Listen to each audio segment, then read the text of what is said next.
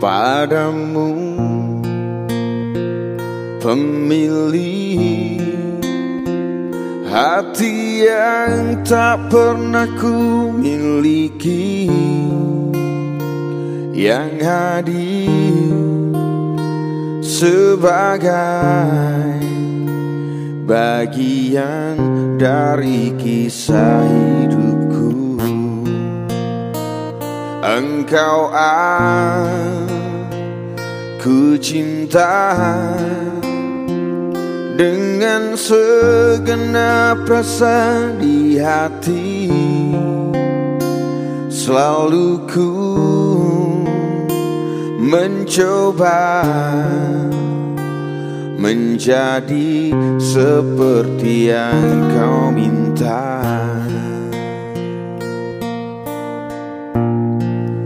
Aku tahu engkau sebenarnya tahu Tapi kau memilih seolah engkau tak tahu. Kau sembunyikan rasa cintaku di balik topeng persahabatanmu yang palsu Kau jadikan aku kekasih bayangan Untuk menemani saat kau merasa sepi. Bertahun lamanya ku jalani kisah cinta sendiri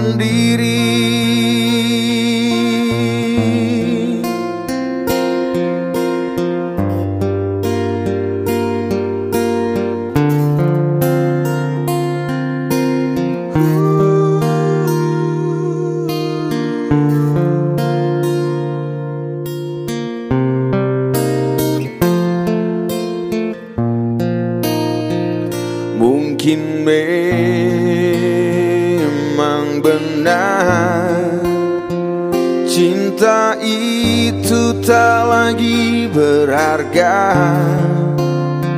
Semua percuma.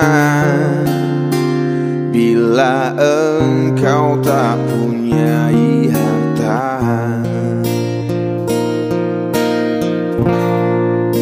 Aku tahu engkau sebenarnya tahu Tapi kau memilih seolah engkau tak tahu.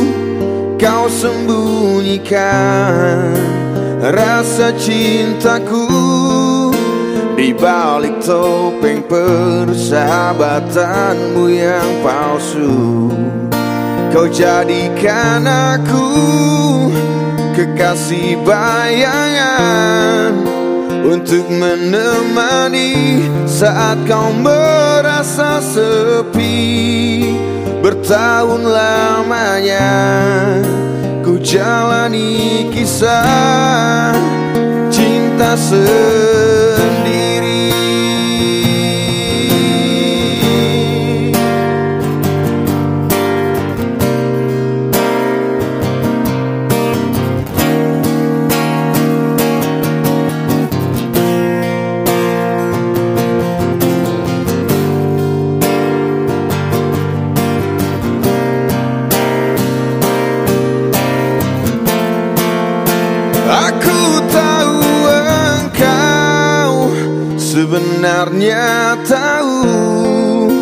Tapi kau memilih seolah engkau tak tahu. Kau sembunyikan rasa cintaku Di balik topeng persahabatanmu yang palsu. Kau jadikan aku kekasih bayangan Untuk menemani saat kau merasa sepi. Bertahun lamanya ku jalani kisah cinta sendiri. Bertahun lamanya Ku jalani kisah Cinta sendiri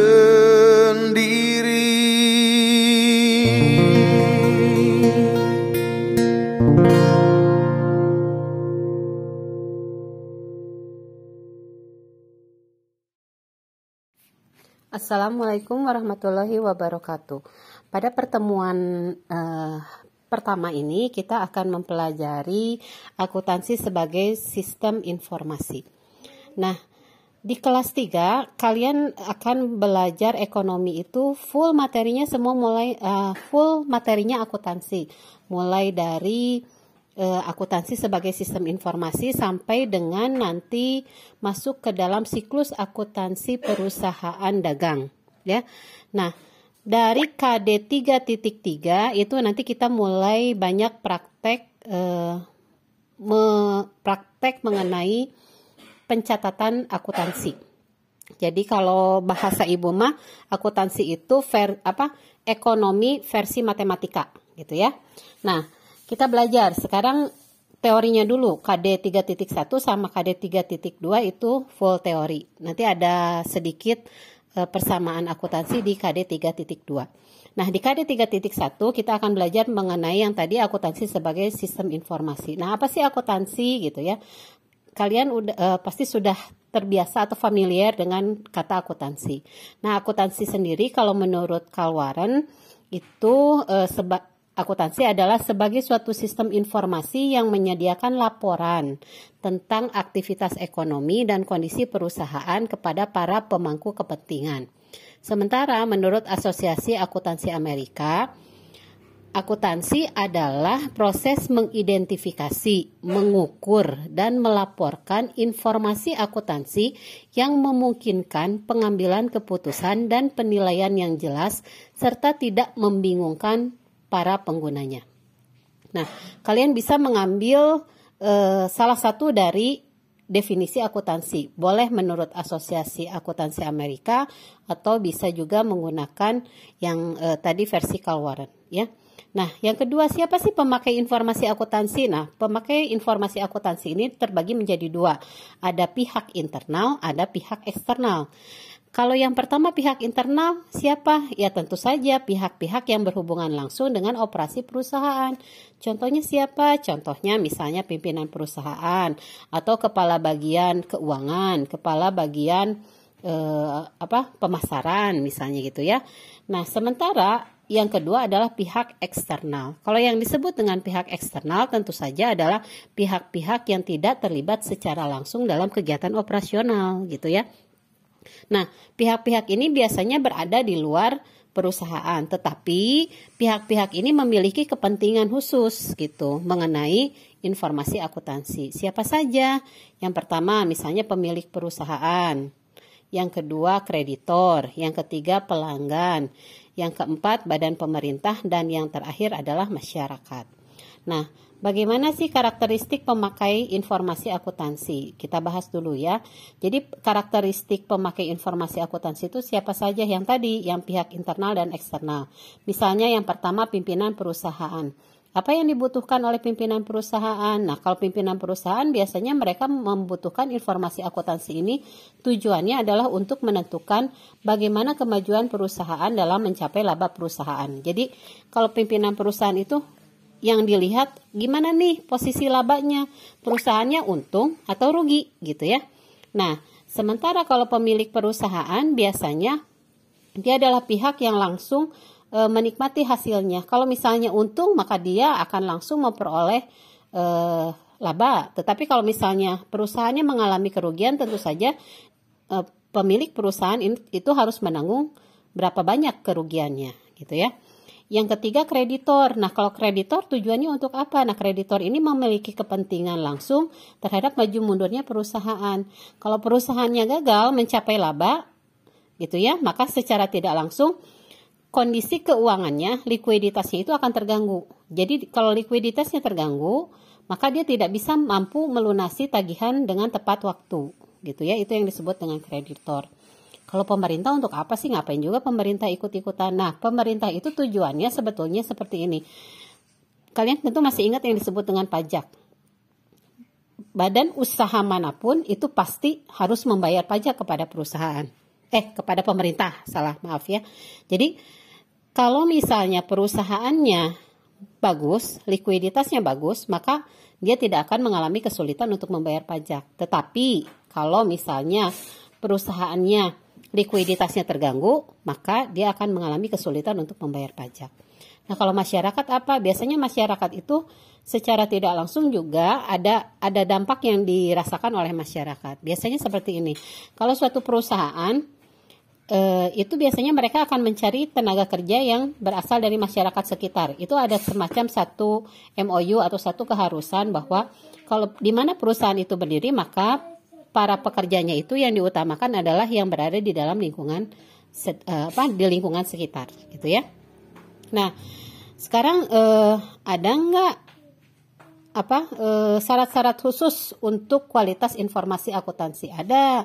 Yang pertama, informasi akuntansi itu yang paling penting itu adalah dapat dipahami. Dipahami oleh siapa? Oleh berbagai pihak yang membutuhkan gitu ya baik itu pihak internal maupun pihak eksternal. Biasanya ada pakem-pakem atau aturan-aturan khusus yang eh, sudah disepakati bagaimana cara membuat informasi akuntansi. Yang kedua itu harus relevan. Artinya relevan itu harus memenuhi kebutuhan para pemakainya dalam proses pengambilan keputusan.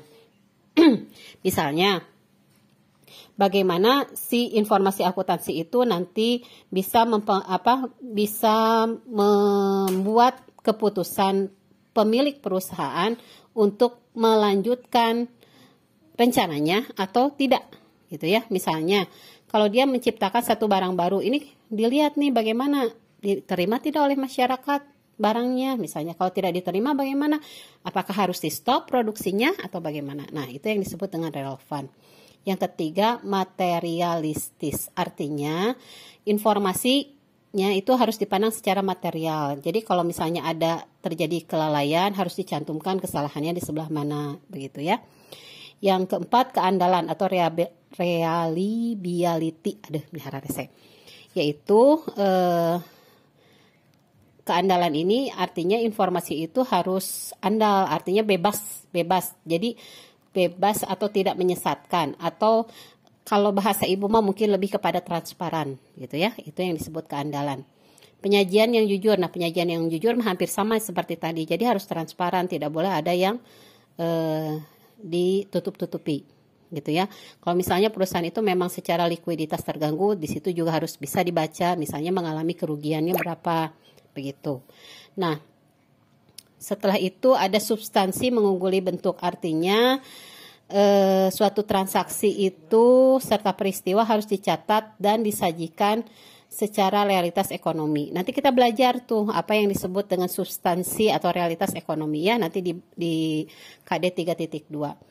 Terus yang ketujuh itu harus netralitas, artinya harus netral, tidak bergantung atau tidak me, tidak me, apa namanya? eh, tidak hanya menguntungkan salah satu pihak saja, misalnya gitu ya. Yang diuntungkan hanya pihak kreditor, tapi pihak pemilik perusahaannya tidak diuntungkan, nggak bisa seperti itu, gitu. Nah, yang kedelapan pertimbangan sehat artinya pembuatan laporan keuangan itu ada kalanya menghadapi ketidakpastian peristiwa. Misalnya ada beberapa piutang yang tidak tertagihkan, nah itu juga harus dimasukkan gitu ya. Terus juga harus lengkap atau kelengkapan. Artinya segala sesuatu yang memang sudah menjadi pakem-pakem di dalam informasi akuntansi itu harus ada gitu. Baik itu secara pendapatan maupun secara pengeluaran.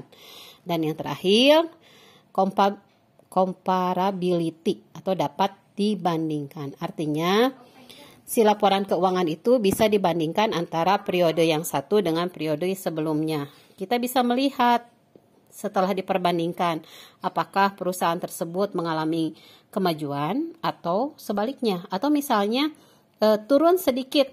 Turun sedikit misalnya dari laba yang biasanya dihasilkan e, 100 juta misalnya. Sekarang apa laba yang dihasilkan berkurang menjadi 95.